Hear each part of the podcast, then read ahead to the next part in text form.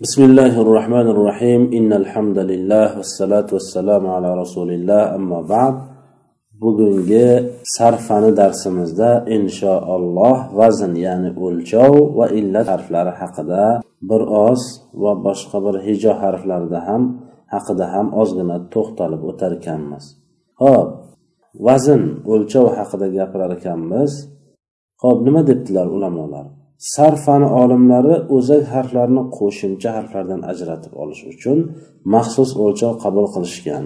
Bu o'lchov harflari fe ayn lomdan iboratdir deyilibdi qissa qilib. Ya'ni boshqa kishilar bu narsa bilan shug'ullanmaydilar. Bu narsa bilan faqat sarfani olimlari shug'ullanadilar.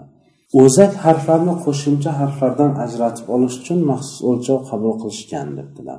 Ho'p o'zak harfi nima? Qo'shimcha harflar nima? Nima uchun bir biridan ajratish kerak? Nima keragi bor? Boshqa ish yo'qmi?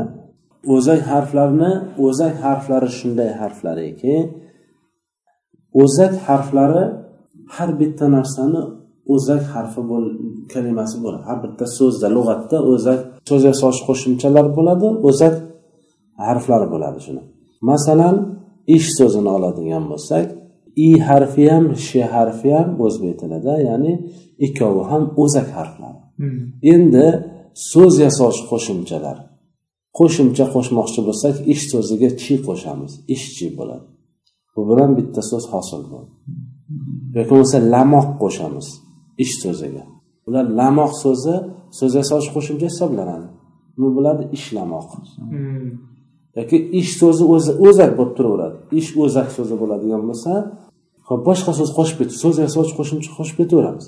Ladi qo'shamiz ishladi yoki bo'lmasa ish so'ziga landi qo'shamiz ishlandi va hokazo. Yoki langan qo'shamiz ish so'ziga. Ish so'zi o'zak haligi kalimani tomiri u o'zgarmay turaveradi tushunarlimi? ish langan bo'lib qoladi. Langan so'zini ishga qo'shsak ish plus langan ishlangan hmm. Mana shunga o'xshagan. Buni arab tilida amal so'zi deyiladi. Ayn mim lom. Ayn mim lom. Amalun desa ya'ni ish degani shu. Endi shuni o'zbek tilida ish so'ziga plus lovchini qo'shsa ishlovchi bo'ladi. Alif tilida arab tilida unday ko'p harf qo'shilmaydi. Lovchi deganda beshta harf qo'shilar ekan. Arab tilida bitta alif qo'shiladi. Amalga amilun deyiladi. Ishlovchi bo'ladi. O'sha yerda so'z yasovchi qo'shimcha harf qaysi alif. Ayn mim lom bular kalimaning o'zak harflari. Illat emas o'zak harf. Ho'p qanday qilib biz e, o'sha o'zak harflari qaysi so'z yasovchi qo'shimcha harflar qaysi ekanligini qanday bir biridan ajratib olamiz desa ulamolar tarozi qabul qilganlar shu tarozi fe ayn lom. Nima uchun ulamolar aynan yigirma sakkizta harf borku? Fe ayn lomni tanlashdi. Alif b tsni tanlasa bo'lmasmidi? Jim he heni tanlasa bo'lish bo'lmasmidi? Bu buni sababiga to'xtalib o'tmaymiz. Chunki judayam foydasi ko'p narsa emas shuni tanlabdilar tanlabdilar xolos. Davom etaveramiz lekin buni sababini bayon qilganlar nima uchun? Tanlaganliklarini chunki mahrajdan chiqqanligi uchun tartibi bilan chiqqanligi uchun deydilar. Mayli fe aynlomni tanlabdilar qanday qilib o'sha taro har bitta narsani o'lchovi bo'ladi? Havoni ham o'lchovi bo'ladi gazni ham o'lchovi bo'ladi. Yoki bo'lmasa oddiy bir moddiy narsalarni o'lchovsi tarozi bo'ladi. Buni ham o'lchovi bor qon bosimini ham o'lchaydigan narsa bo'ladi. Bunday qarab buni yoki damni ham havoni ham ya'ni masalan uni ham o'lchaydigan narsasi bo'ladi. Xuddi shunga o'xshab buni ham o'lchaydigan narsasi bor.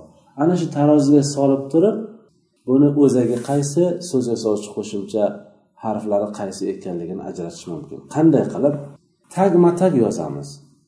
Masalan amalun faalun.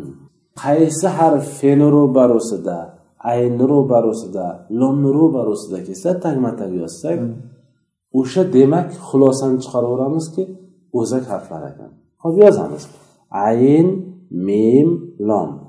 Amalun faalun. Tagma tag yozsak feni tagida ayn aynni tagida mim lomni tagida lom bo'ladi.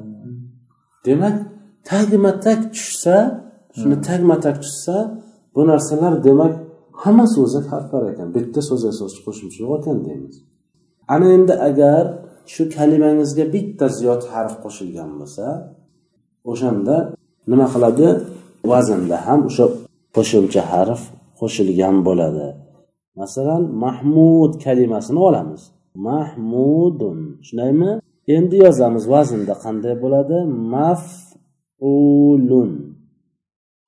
Mafulun. Tagma tag yozyapmiz. Ho'p tekshiramiz. Mimni tagida mim feni tagida he ayni tagida mim vovni tagida vov lomni tagida dol. Hmm. endi chiqarib olamiz. Fe ayn lomni to'g'risida qaysilar?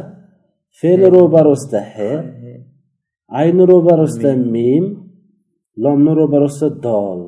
Mana shu uchovi o'zak harfi ekan. Hamdun kalimasi o'zak harfi bular qayerda qani bu mim bilan vov nima desa ulamolar o'lchov harflarni qaysi deganlar?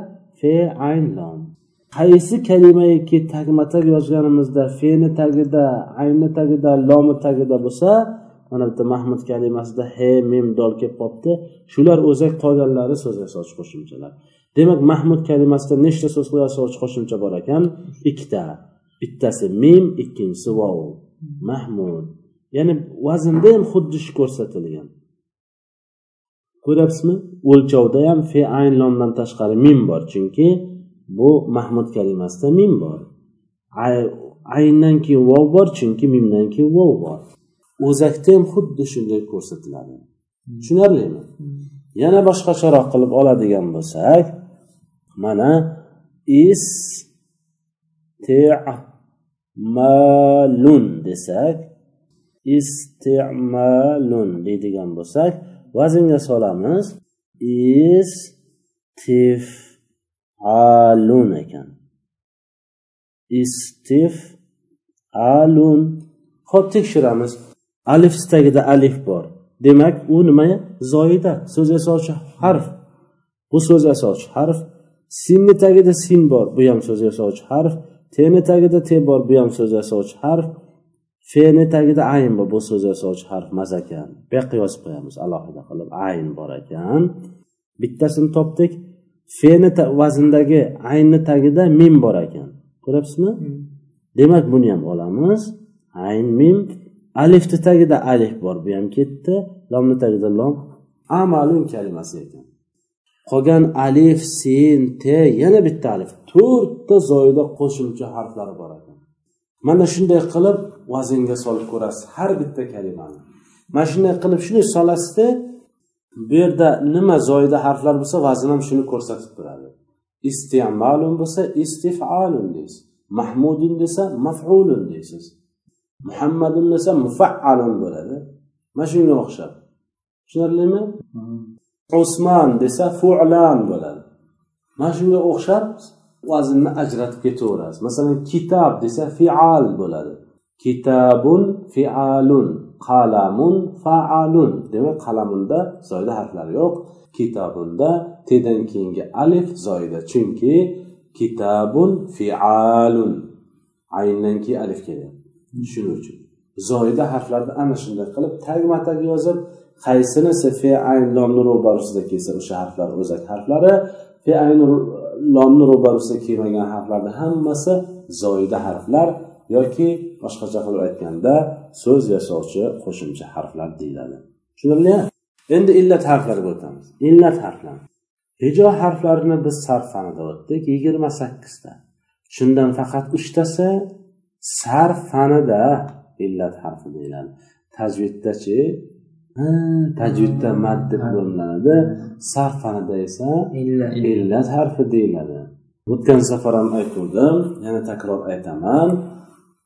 Masalan vov alif yo harflari. Qanaqa harflar desa ikkita olim o'tiribdi. Birov tajvid fanidan juda katta olim birov sarf fanida katta olim tajviddagi olim kishi aytadilarki bu illat muhimmat harflari buni hamma biladi desa sarf olim aytadilarki bular illat harflari buni hamma biladi dedilar.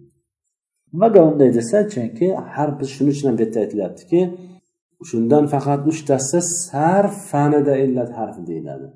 Sarf fanida boshqa fandachi boshqa fanda boshqacha deb nomlanishi mumkin. Qolgan yigirma beshtasi esa say harflar deyiladi shved tilida to'qqizta illat harfi bor undov harflar deydi. O'sha uch harf vov alif yo harflaridir. Ushbu uch harfni yodda saqlash oson bo'lishligi uchun she'r vazni qabul qilingan. Nima degan? Harfi illat uch turur. Gar jam qilsa voy bo'lur. Har kishi takror qilsa sarf ichida boy bo'ladi demak harfi illat nechta ekan? Uch turur ya'ni uch dona turadi gar jam qilsangiz haqiqatdan ham voy bo'ladi. Bir joyga jamlansa voy degan so'z kelib chiqadi.